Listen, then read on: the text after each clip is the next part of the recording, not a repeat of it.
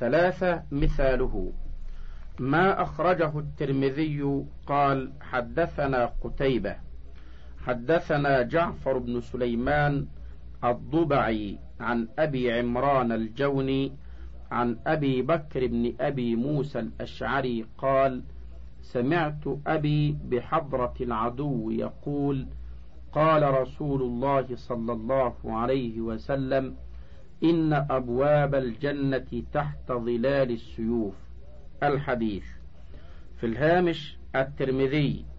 أبواب فضائل الجهاد. الجزء الخامس. صفحة ثلاثمائة. من الترمذي مع شرحه تحفة الأحوذي. انتهى الهامش. فهذا الحديث قال عنه الترمذي هذا حديث حسن غريب. وكان هذا الحديث حسنا لأن رجال إسناده الأربعة ثقات إلا جعفر بن سليمان الضبعي فإنه حسن الحديث. في الهامش كما نقل الحافظ ابن حجر في تهذيب التهذيب الجزء الثاني صفحة ست وتسعين ذلك عن أبي أحمد. انتهى الهامش. لذلك نزل الحديث عن مرتبة الصحيح إلى الحسن. أربعة مراتبه كما أن للصحيح مراتب يتفاوت بها بعض الصحيح عن بعض. كذلك فإن للحسن مراتب وقد جعلها الذهبي مرتبتين فقال ألف فأعلى مراتبه. بهز ابن حكيم عن أبيه عن جده وعمرو بن شعيب عن أبيه عن جده وابن إسحاق عن التيمي وأمثال ذلك مما قيل إنه صحيح وهو من أدنى مراتب الصحيح.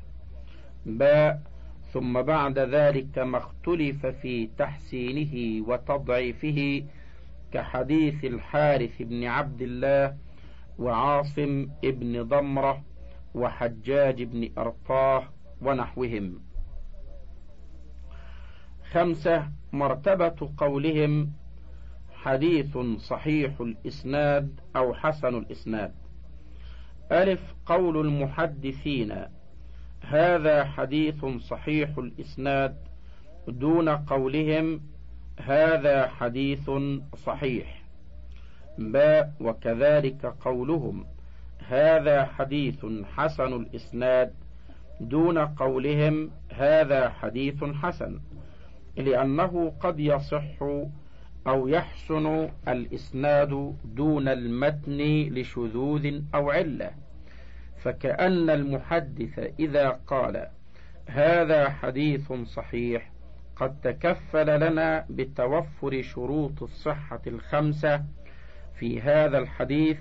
أما إذا قال هذا حديث صحيح الإسناد فقد تكفل لنا بتوفر شروط شروط ثلاثة من شروط الصحة وهي اتصال الإسناد وعدالة الرواة وضبطهم.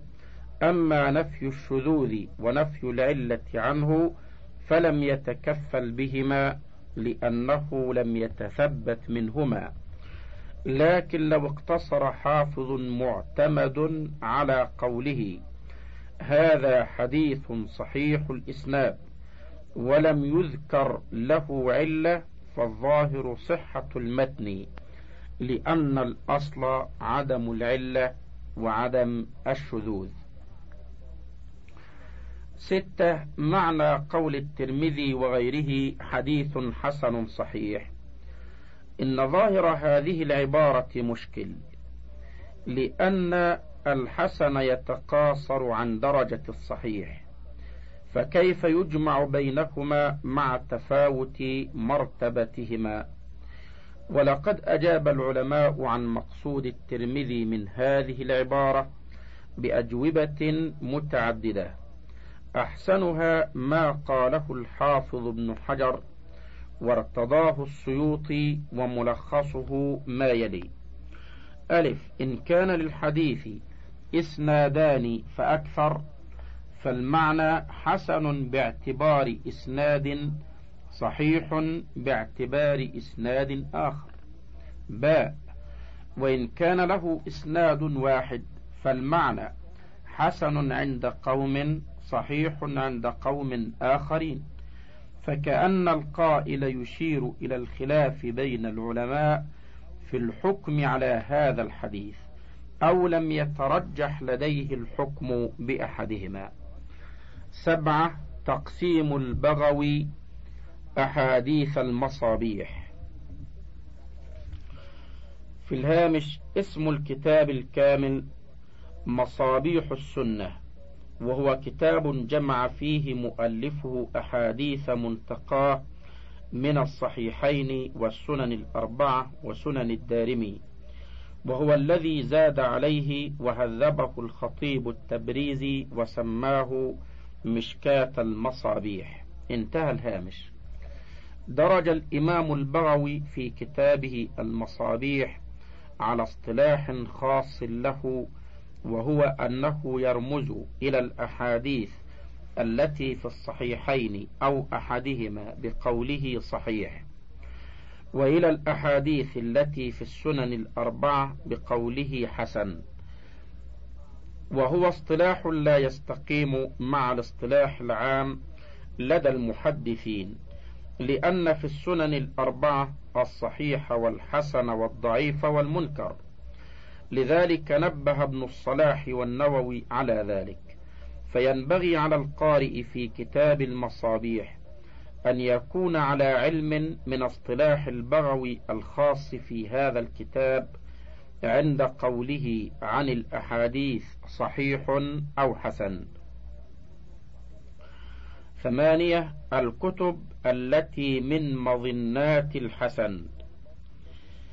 في الهامش مظنات جمع مظنة بكسر الضاء ومظنة الشيء معدنه وموضعه فيكون معنى العنوان الكتب التي هي موضع وجود الحسن. انتهى الهامش.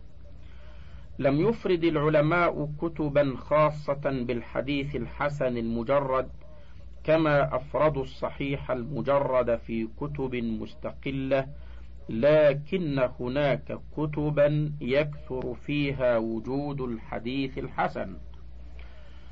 فمن أشهر هذه الكتب ألف جامع الترمذي المشهور بسنن الترمذي فهو أصل في معرفة الحسن. والترمذي هو الذي شهره في هذا الكتاب وأكثر من ذكره. لكن ينبغي التنبه إلى أن نسخه تختلف في قوله حسن صحيح ونحوه. فعلى طالب الحديث العناية باختيار النسخة المحققة والمقابلة على أصول معتمدة. باء سنن أبي داود.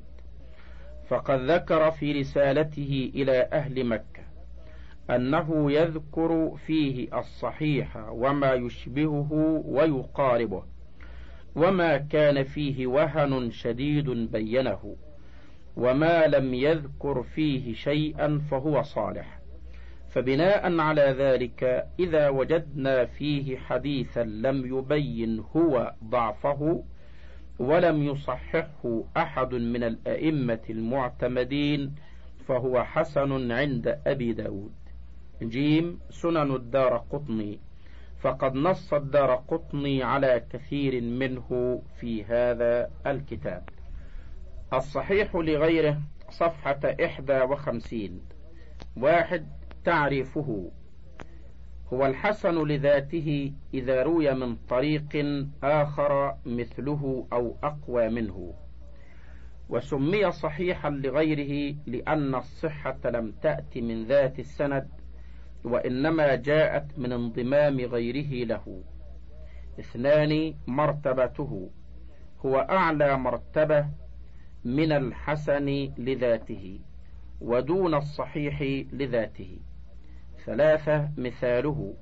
حديث محمد بن عمرو عن أبي سلمة عن أبي هريرة أن رسول الله صلى الله عليه وسلم قال لولا أن أشق على أمتي لأمرتهم بالسواك عند كل صلاة. في الهامش أخرجه الترمذي في كتاب الطهارة وأخرجه الشيخان من طريق أبي الزناد عن الأعرج عن أبي هريرة. انتهى الهامش. قال ابن الصلاح فمحمد بن عمرو بن علقمة من المشهورين بالصدق والصيانة. لكنه لم يكن من أهل الإتقان حتى ضعفه بعضهم من جهة سوء حفظه ووثقه بعضهم لصدقه وجلالته فحديثه من هذه الجهة حسن. فلما انضم إلى ذلك كونه روي من أوجه أخر زال بذلك ما كنا نخشاه عليه من جهة سوء حفظه وانجبر به ذلك النقص اليسير فصح هذا الإسناد والتحق بدرجة الصحيح. في الهامش علوم الحديث صفحة إحدى وثلاثين واثنتين وثلاثين انتهى الهامش. الحسن لغيره صفحة اثنتين وخمسين. واحد تعريفه هو الضعيف إذا تعددت طرقه ولم يكن سبب ضعفه فسق الراوي أو كذبه. يستفاد من هذا التعريف أن الضعيف يرتقي إلى درجة الحسن لغيره بأمرين هما. ألف أن يروى من طريق آخر فأكثر على أن يكون الطريق الآخر مثله أو أقوى منه. باء أن يكون سبب ضعف الحديث إما سوء حفظ راويه أو انقطاع في سنده أو جهالة في رجاله. اثنان مرتبته. الحسن لغيره أدنى مرتبة من الحسن لذاته. وينبني على ذلك أنه لو تعارض الحسن لذاته مع الحسن لغيره قدم الحسن لذاته. ثلاثة حكمه. هو من المقبول الذي يحتج به. أربعة مثاله ما رواه الترمذي وحسنه من طريق شعبة عن عاصم بن عبيد الله عن عبد الله بن عامر بن ربيعة عن أبيه أن امرأة من بني فزارة تزوجت على نعلين. فقال رسول الله صلى الله عليه وسلم رضيت من نفسك ومالك بنعلين قالت نعم فأجاز. قال الترمذي وفي الباب عن عمر وأبي هريرة وعائشة وأبي حدرت فعاصم ضعيف لسوء حفظه. وقد حسن له الترمذي هذا الحديث لمجيئه من غير وجه. خبر الآحاد المقبول المحتف بالقرائن صفحة أربع وخمسين. واحد توطئة. وفي ختام أقسام المقبول أبحث المقبول المحتف بالقرائن. والمراد بالمحتف بالقرائن أي الذي أحاط واقترن به من الأمور الزائدة على ما يتطلبه المقبول من الشروط. وهذه الأمور الزائدة التي تقترن بالخبر المقبول تزيده قوة وتجعل له ميزة على غيره من الأخبار المقبولة الأخرى الخالية عن تلك الأمور الزائدة وترجحه عليها. اثنان أنواعه. الخبر المحتف بالقرائن أنواع. أشهرها ألف ما أخرجه الشيخان في صحيحيهما مما لم يبلغ حد المتواتر فقد احتف به قرائن منها. واحد جلالتهما في هذا الشأن. اثنان تقدمهما في تمييز الصحيح على غيرهما. ثلاثة تلقي العلماء لكتابيهما بالقبول وهذا التلقي وحده أقوى في إفادة العلم من مجرد كثرة الطرق القاصرة عن التواتر. باء المشهور إذا كانت له طرق متباينة سالمة كلها من ضعف الرواة والعلل. جيم الخبر المسلسل بالأئمة الحفاظ المتقنين حيث لا يكون غريبا. كالحديث الذي يرويه الإمام أحمد عن الإمام الشافعي ويرويه الشافعي عن الإمام مالك ويشارك الإمام أحمد غيره في الرواية عن الإمام الشافعي ويشارك الإمام الشافعي كذلك غيره في الرواية عن الإمام مالك. ثلاثة حكمه. هو أرجح من أي خبر مقبول من أخبار الآحاد. فلو تعارض الخبر المحتف بالقرائن مع غيره من الأخبار المقبولة قدم الخبر المحتف بالقرائن. المبحث الثاني تقسيم الخبر المقبول إلى معمول به وغير معمول به صفحة خمس وخمسين. ينقسم الخبر المقبول إلى قسمين معمول به وغير معمول به. وينبثق عن ذلك نوعان من أنواع علوم الحديث وهما المحكم ومختلف الحديث والناسخ والمنسوخ. المحكم ومختلف الحديث صفحة ست وخمسين. واحد تعريف المحكم. ألف لغة هو اسم مفعول من أحكم بمعنى أتقن. باء اصطلاحا هو الحديث المقبول الذي سلم من معارضة مثله. وأكثر الأحاديث من هذا النوع. وأما الأحاديث المتعارضة المختلفة فهي قليلة بالنسبة لمجموع الأحاديث. اثنان تعريف مختلف الحديث. ألف لغة هو اسم فاعل من الاختلاف ضد الاتفاق. ومعنى مختلف الحديث أي الأحاديث التي تصلنا ويخالف بعضها بعضا في المعنى أي يتضادان في المعنى. باء اصطلاحا هو الحديث المقبول المعارض بمثله مع إمكان الجمع بينهما.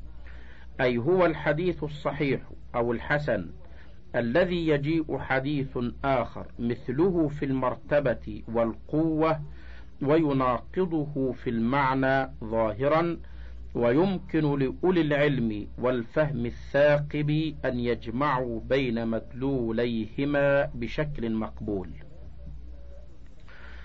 ثلاثة مثال المختلف ألف حديث لا عدوى ولا طيرة في الهامش الطيرة التشاؤم بالطيور. انتهى الهامش.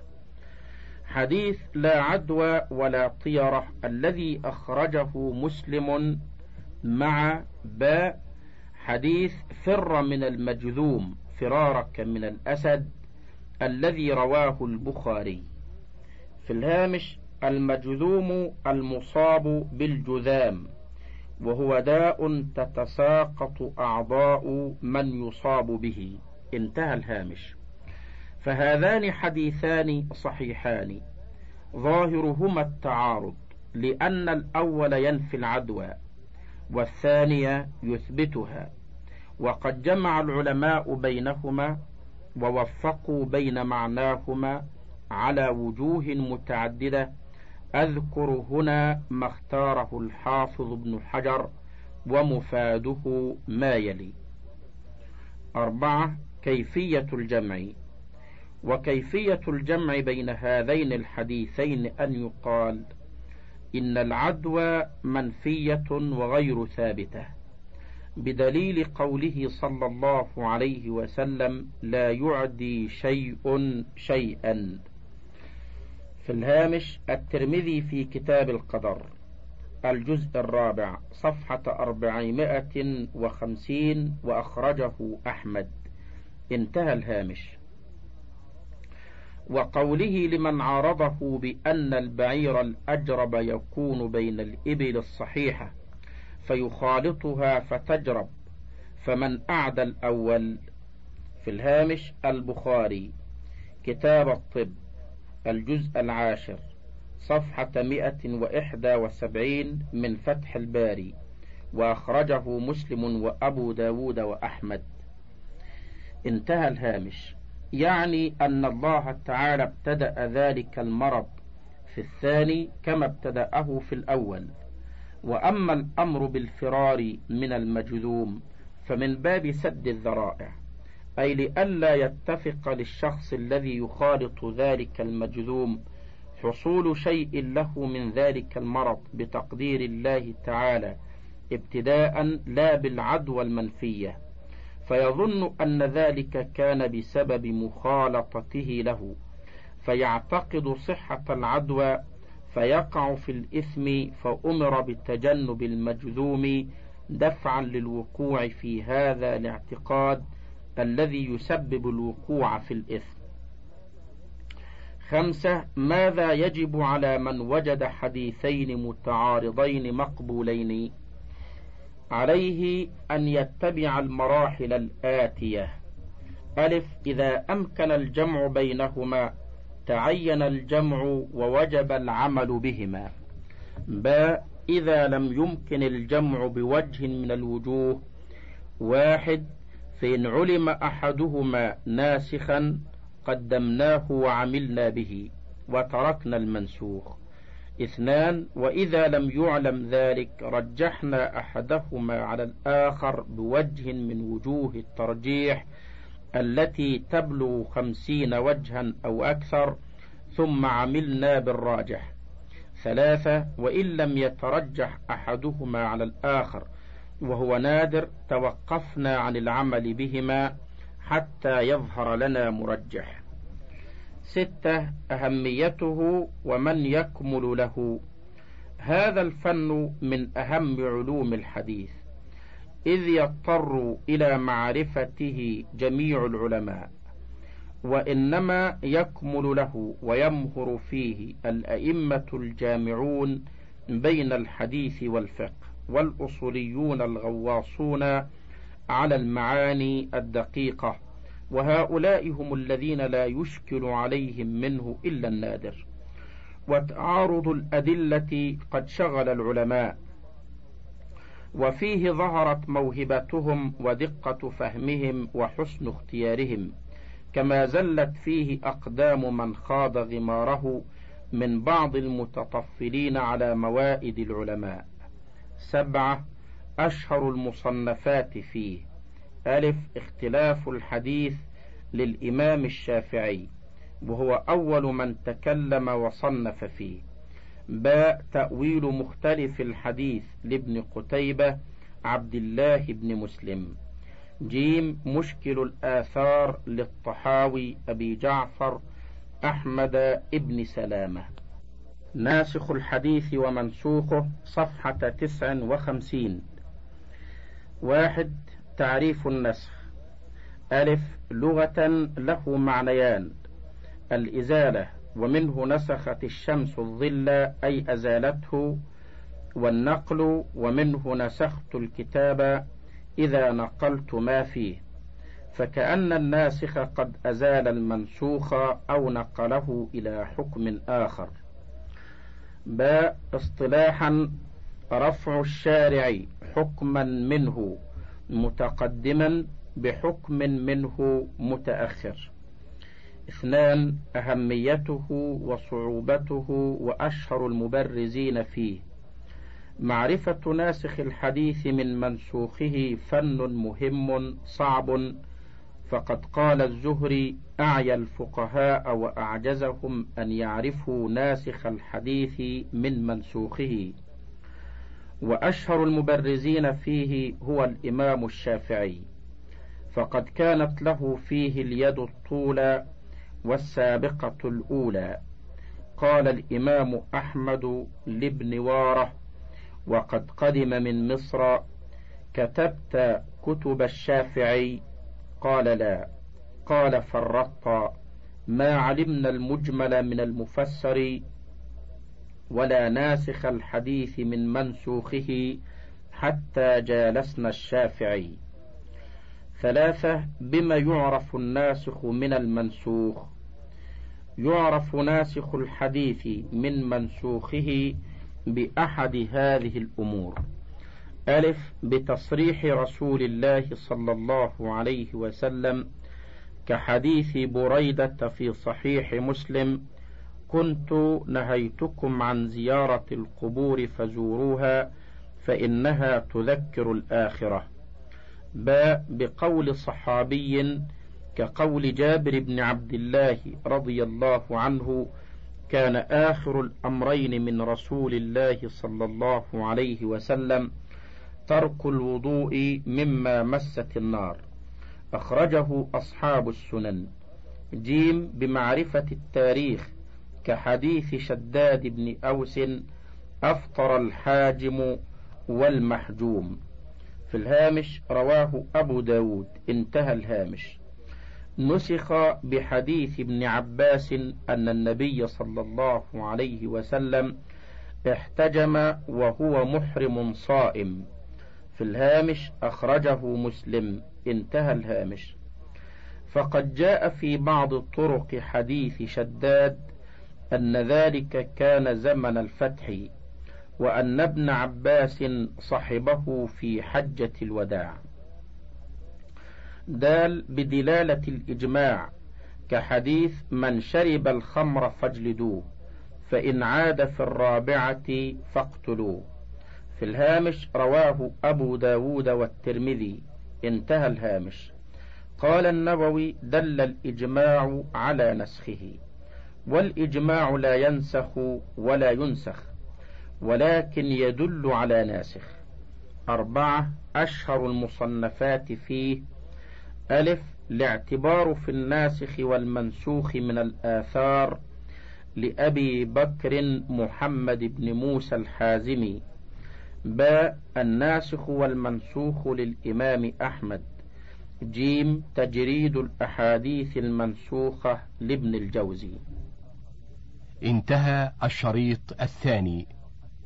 وللكتاب بقية على الشريط التالي.